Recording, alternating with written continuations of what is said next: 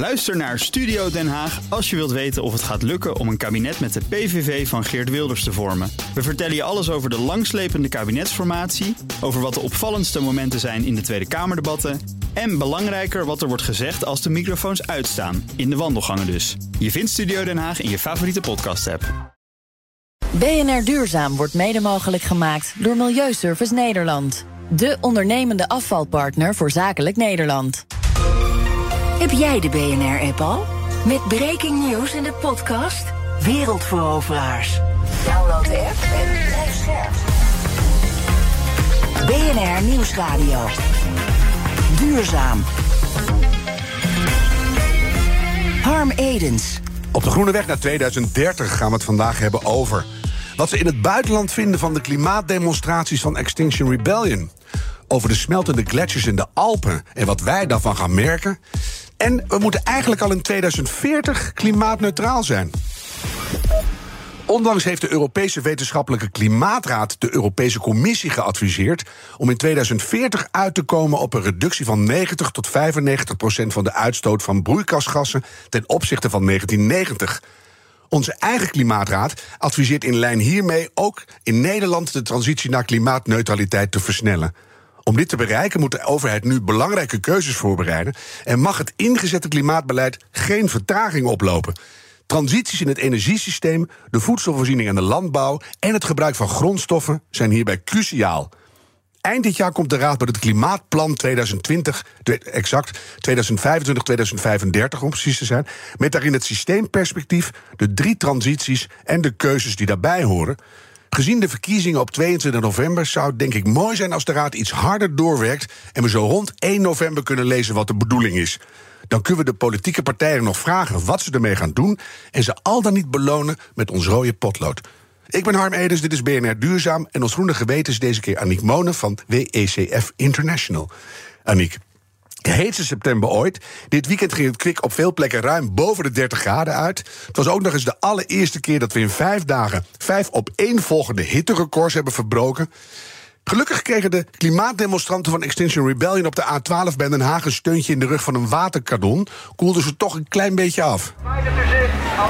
Geweld worden gebruikt in de vorm van een waterwerper. Dat geldt ook voor de mensen op de.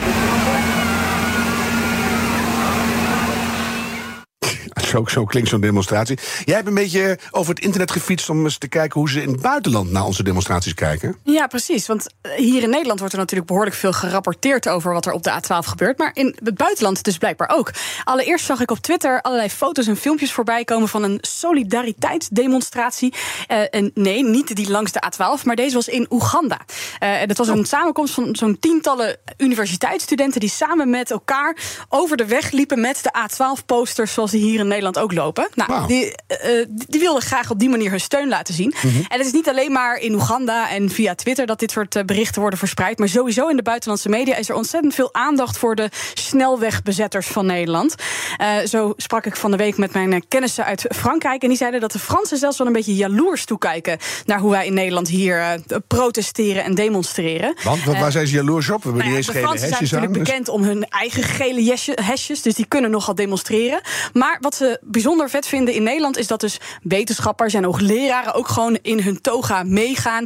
Opa's en oma's en zelfs kleine kinderen, die doen allemaal mee. En eigenlijk wekt dat best wel wat respect op daar in Ja, ja. Frankrijk. En als jij nou kijkt, want je- jij bent ex-jonge klimaatbeweging, je zit er helemaal in. En dan kijk je naar die demonstraties, wat denk jij dan? Nou ja, kijk, ik, er wordt natuurlijk ontzettend veel over gepraat op dit moment. En ik in zo'n moment denk, eh, een gedachte-experiment wat ik dan graag doe, is gewoon even een stapje achteruit zetten en het proberen te zien een beetje in de, in de langere tijdlijn. En ik denk eigenlijk, of ik vrij zeker te weten, ik durf er in ieder geval mijn geld op in te zetten, dat we over tien jaar deze mensen eigenlijk gewoon ontzettend helder of ontzettend dankbaar gaan zijn. Eigenlijk elke eh, econoom die zichzelf serieus genoeg neemt om niet in de semantische, semantische discussie te vervallen over wat nou precies wel of niet een subsidie is, is eigenlijk, natu- eigenlijk uh, heel helder. Namelijk dat die 37,5 miljard aan fossiele steun een soort gigantische betonnen muur is tussen ons en een leefbare toekomst. Ja. En eigenlijk zolang we dit soort bedragen, bedragen blijven investeren, blijven ons ingraven in dat fossiele systeem. En dan maakt het eigenlijk helemaal niet meer uit of jij en ik nou minder vliegen, meer vegetarisch eten of ons afval scheiden. Dus eigenlijk vind ik het hartstikke logisch dat uh, Extinction Rebellion in dit geval dus alles op alles zet om die subsidies afgeschaft te krijgen. En voor wie denkt, nou, we zijn er toch eigenlijk al. Uh, Rob heeft toch al gezegd dat hij hier iets aan gaat doen. Ja, ja, maar dat hebben we eerder meegemaakt. Die discussie over fossiele subsidies die wordt namelijk al decennia gevoerd. En tot nu toe kunnen we ze nog niet op hun woord geloven. Dus ik snap best dat ze blijven zitten. En totdat dat de overheid ook goed. En ik heb woord voegt. ook sympathie voor. Maar het maakt wel degelijk uit wat jij en ik privé beslissen. Want dat is een hele andere stroom. En als de markt op een gegeven moment in een soort beginnende meerderheid laat zien dat we dingen anders willen, dan telt dat ook. Hè. Dus daar ben ik niet met je eens. Maar je zit er lekker in. Uh, ik zou kunnen denken, uh, derde dag op rij, ze zijn weer weggehaald. En uh, dan misschien een vierde dag, een vijfde dag. Er treedt ook een soort verlamming op bij het grote publiek. En zegt van, jezus jongen, ik wil naar mijn werk. Ja, ik denk dat het tot nu toe, uh, tot nu toe best wel meevalt. Uh, het, het, het, ziet er niet naar uit dat dit nou echt een effect heeft op hoe de, op hoe de rest van Nederland kijkt naar verduurzaming. Hmm. Uh, er is afgelopen week een peiling gedaan onder, onder wat lezers van RTL Nieuws. duizenden mensen waarvan echt wel uit die peiling kwam dat demonstranten van Extinction Rebellion steeds minder populair worden. Ze hebben eigenlijk helemaal niet zoveel steun in Nederland. Maar hun eisen daarentegen hebben wel degelijk steun. En als je kijkt naar de geschiedenis, dan zie je eigenlijk gewoon al, elke keer gebeuren dat de pu publieke opinie eigenlijk best wel snel meeschuift met wat er in de realiteit gebeurt. Kijk, acht jaar geleden toen uh, Greta Thunberg en haar uh, collega, collega's, wilde ik zeggen, maar eerder uh, schoolvrienden, ja. voor het eerst de straat op gingen voor een scholierenstaking. Toen vonden we dat ook allemaal helemaal raar. Inmiddels zijn die scholierenstakingen ook volledig genormaliseerd. En ik denk elke keer dat het dus weer mee zal gaan opschuiven. En extreme acties zoals deze zorgen er ook voor dat een steeds grotere groep aan klimaatbewegingen ook weer wordt gezien als gematigd en daardoor meer sympathie krijgen. Ja, en de, de, de, de messages in het begin die worden niet uh, heel erg gewaardeerd, maar de boodschap wel. BNR Duurzaam.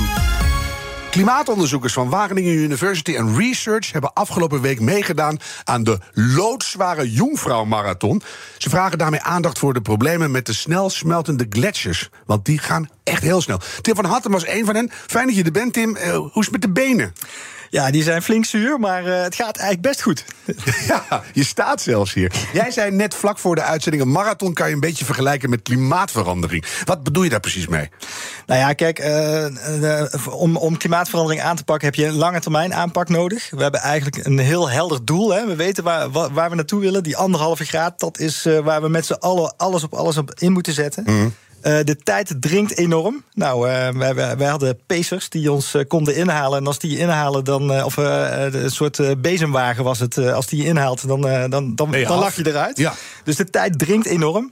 Maar het belangrijkste is: het parcours wordt eigenlijk steeds zwaarder. We hebben natuurlijk veel te lang gewacht om klimaatverandering echt serieus aan te pakken. Ja. En daardoor ja, wordt het parcours steeds zwaarder en steiler. En ja, die Jongvrouw Marathon, die, die finisht naast de Eiger Gletscher.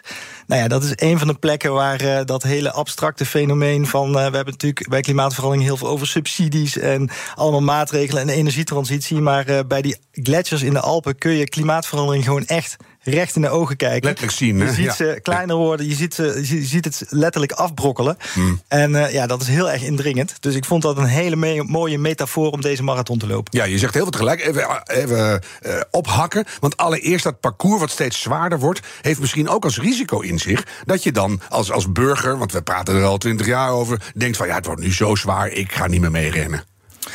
Ja, dat is het uh, allergrootste gevaar van, uh, van de hele klimaatactie uh, um, waar we nu eigenlijk in, in moeten zitten. Mm -hmm. dat, dat mensen aan het afhaken zijn.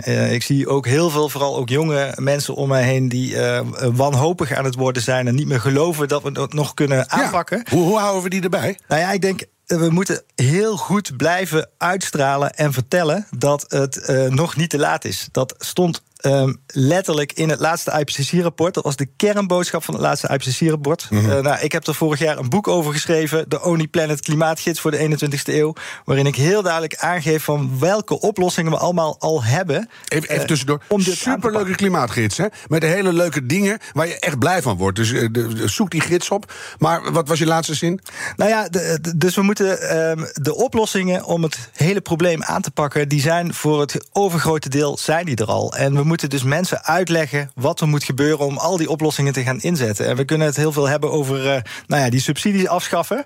Maar het gaat er ook om, uh, als we die subsidies afschaffen, wat gaan we dan met dat geld doen? Wat gaan en we dan wel doen? Hè? Hoe, wat gaan we dan wel met Ja. dat geld doen? En hoe gaan we dat geld slim investeren? Ik merk ook dat je door op hoogte rente te hebben heel veel zuurstof over hebt voor hele lange zinnen. Ik wil eerst even weten: zo'n marathon is normaal 42 kilometer, 192 meter. Eigenlijk al niet te doen voor een normaal lichaam. Die, die op hoogte marathon, hoe zwaar is die?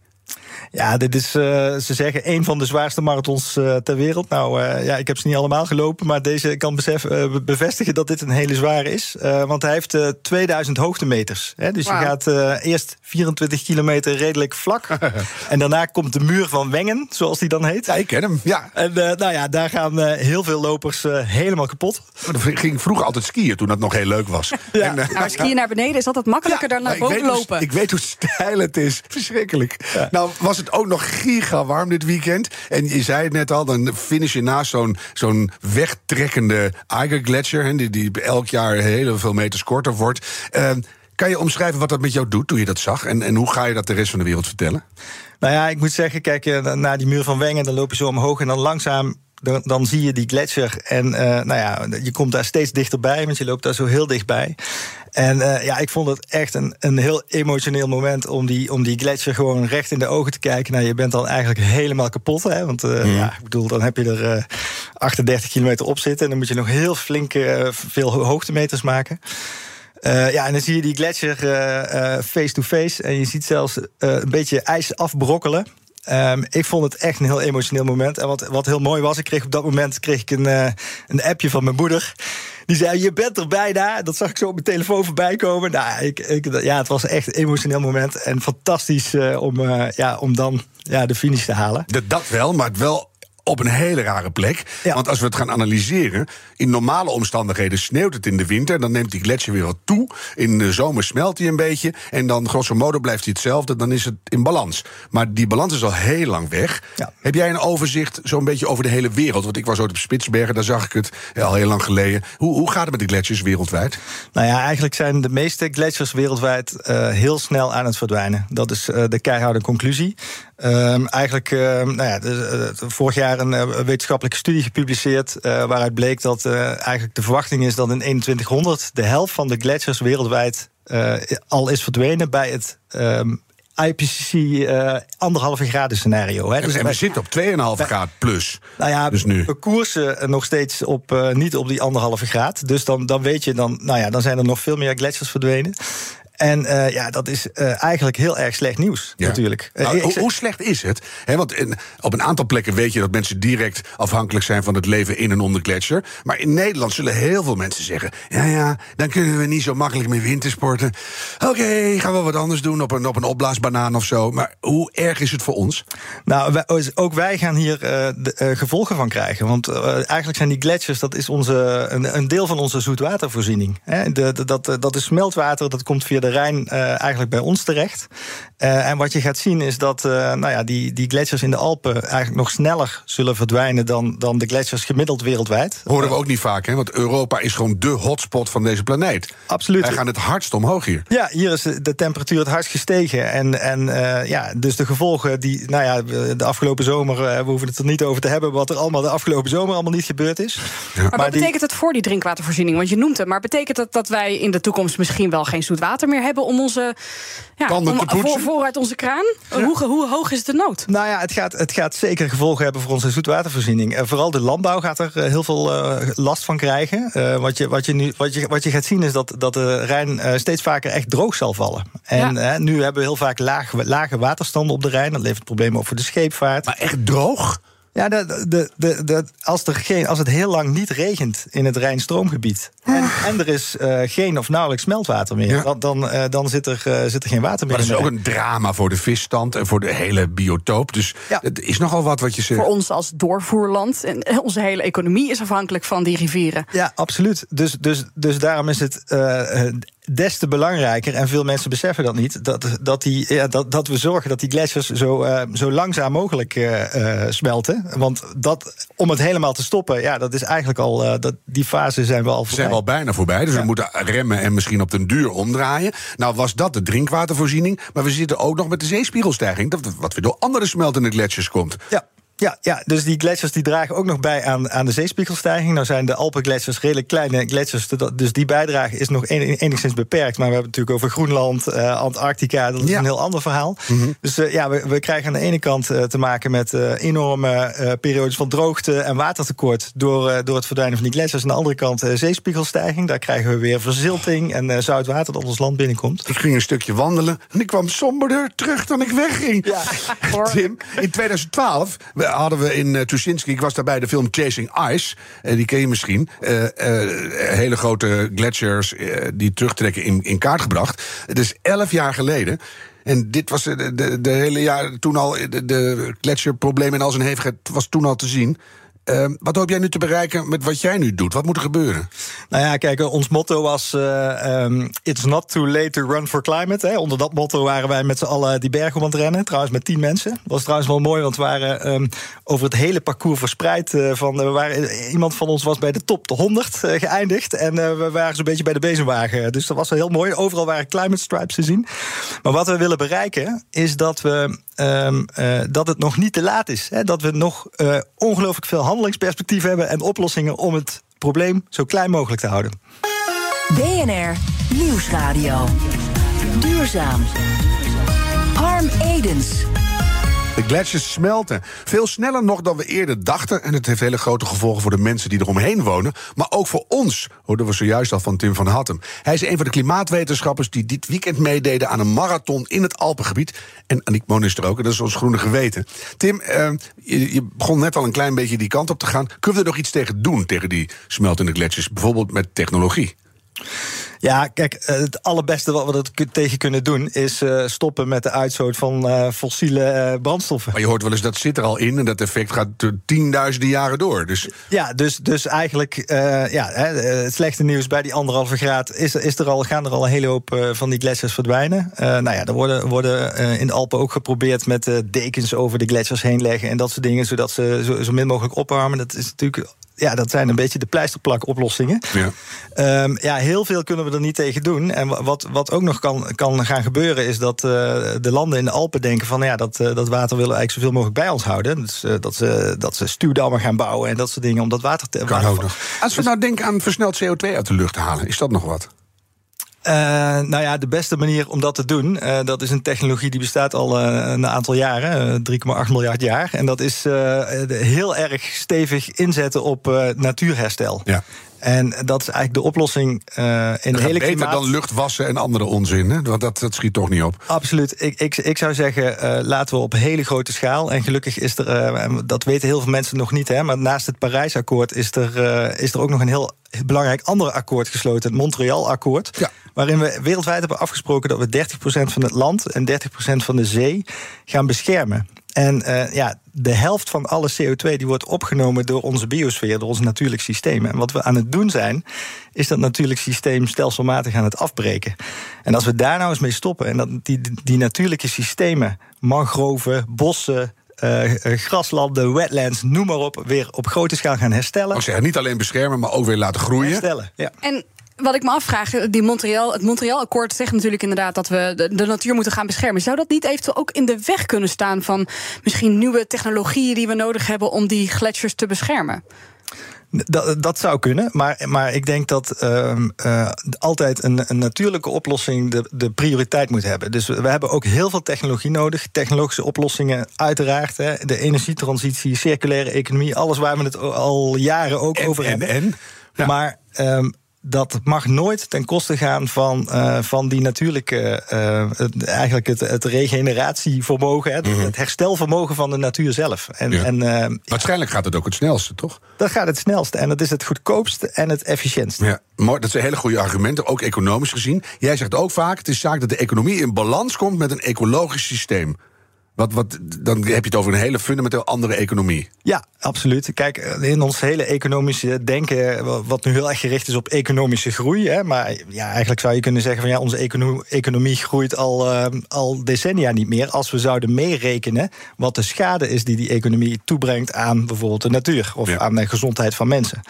En als wij dus weer die waarde van natuur mee gaan wegen in onze economie, dan uh, komt er een heel ander verdienmodel. Even voor jullie allebei. Uh, we zijn er heel lang mee bezig. We doen ons best. We rennen een marathon op hoogte. Moeten we niet gewoon uh, eerst met z'n allen een ravijn instorten voordat we gaan veranderen, Aniek? Ja, uh, misschien wel. er zijn natuurlijk verschillende theorieën die laten zien dat mensen inderdaad echt pas in beweging komen als ze eenmaal zo'n ramp hebben meegemaakt. Maar ik probeer toch de optimist uit te hangen die zegt dat we het niet nodig hebben. Want het gaat zo ontzettend veel levens, uh, levens kosten. Ja. Maar dat moeten we ons wel voor ogen houden. Hè? Er, zit pijn op de lijn en we moeten radicaal om. Zelfs anderhalve graden opwarming gaat ons ontzettend veel mensenlevens kosten. Ja. Daar moeten we nou ook ja. gewoon eerlijk over zijn. Ja. ja. Nou ja, ik denk dat we, dat we heel erg moeten beseffen dat er een hele grote, hele snelle, grote groei, groeiende groep mensen is die echt wel anders wil. En natuurlijk zijn er heel veel uh, gevestigde belangen en uh, uh, nog steeds ontkenners en, en mensen die hun kop in het zand steken. Maar de, maar de, de de beweging uh, van onderop van mensen die echt wel wil veranderen, die is zo snel aan het groeien dat ik daar wel hoopvol over ben. Um, maar de, maar de, uh, het risico vind ik nog steeds dat, dat er ook heel veel mensen aan het afhaken zijn die denken van ja, het komt toch niet meer goed. Ja, en, en, ik denk dat we daar tegenwicht moeten blijven bieden om die mensen uh, te motiveren dat het nog wel kan. Ja, en dat mensen die, die wel willen, dat ook echt een keer gaan uitspreken binnen het hele verhaal zoals het echt reëel is. Hè? Ja. Bijvoorbeeld politici op 22 november. Vertel het ware verhaal en maak het dan behapbaar voor ons allen. Ik ga je enorm bedanken, Tim van Hattem van Wageningen University and Research. Dank voor je komst en uh, straks maar weer de benen omhoog, zou ik zeggen. en Aniek, jij ook uh, enorm bedankt. Dankjewel, Harm. Dan nog even dit. Het gaat niet goed met de waterkwaliteit in de Maas. Er worden steeds meer schadelijke stoffen in de rivier geloodst. En door klimaatverandering staat het waterpeil lager dan voorheen, waardoor die schadelijke stoffen vaak minder worden verdund. Die waarschuwing komt van de drinkwaterbedrijven. Ik vond het nogal verontrustend. Jaar geleden sprak ik in dit programma met Annemarie van Wezel, professor Environmental Ecology aan de Universiteit van Amsterdam. En ik laat je graag nog even horen wat zij toen al vertelde over de waterkwaliteit in ons land. We hebben natuurlijk vier van de vijf laatste zomers waren super droog. Um, dus dat is echt wel bijzonder. En die lage afvoeren die leiden ook wel tot een slechtere waterkwaliteit. Maar met de waterkwaliteit in Nederland is het slecht gesteld. Nederland bungelt echt onderaan wat betreft waterkwaliteit. En daar kijken we altijd naar zowel de ecologische kwaliteit, dus wat is de kwaliteit van de natuur. Maar we kijken ook naar de chemische waterkwaliteit. Hoeveel stofjes uh, zitten erin? En op mm. beide doen we het niet goed. Tegelijkertijd gebruiken we met z'n allen, en dat zijn niet alleen de boeren, dat zijn ook industrieën en wij zelf als consumenten gebruiken we steeds meer stoffen, chemicaliën en in steeds grotere volumes. En ja, die zie je terug in het water. En dat is een van de redenen waarom het met de waterkwaliteit slecht gaat. Naast inderdaad die hoge concentraties nitraat en fosfaat. Zo. Dit was BNR Duurzaam. De groene weg naar 2030. Laten we die met z'n allen nemen en een beetje doorlopen graag. De tijd van treuzelen is voorbij. BNR Duurzaam wordt mede mogelijk gemaakt door Milieuservice Nederland. De ondernemende afvalpartner voor zakelijk Nederland. Ook Diana Matroos vind je in de BNR-app. Ja, inderdaad. Je kunt live naar mij luisteren tijdens de Big Five. Ook handig in de BNR-app. Breaking nieuwsmeldingen, maar ook het allerlaatste zakelijke nieuws. En je vindt in de app alle BNR-podcasts, waaronder Wetenschap Vandaag. Download nu de gratis BNR-app en blijf scherp.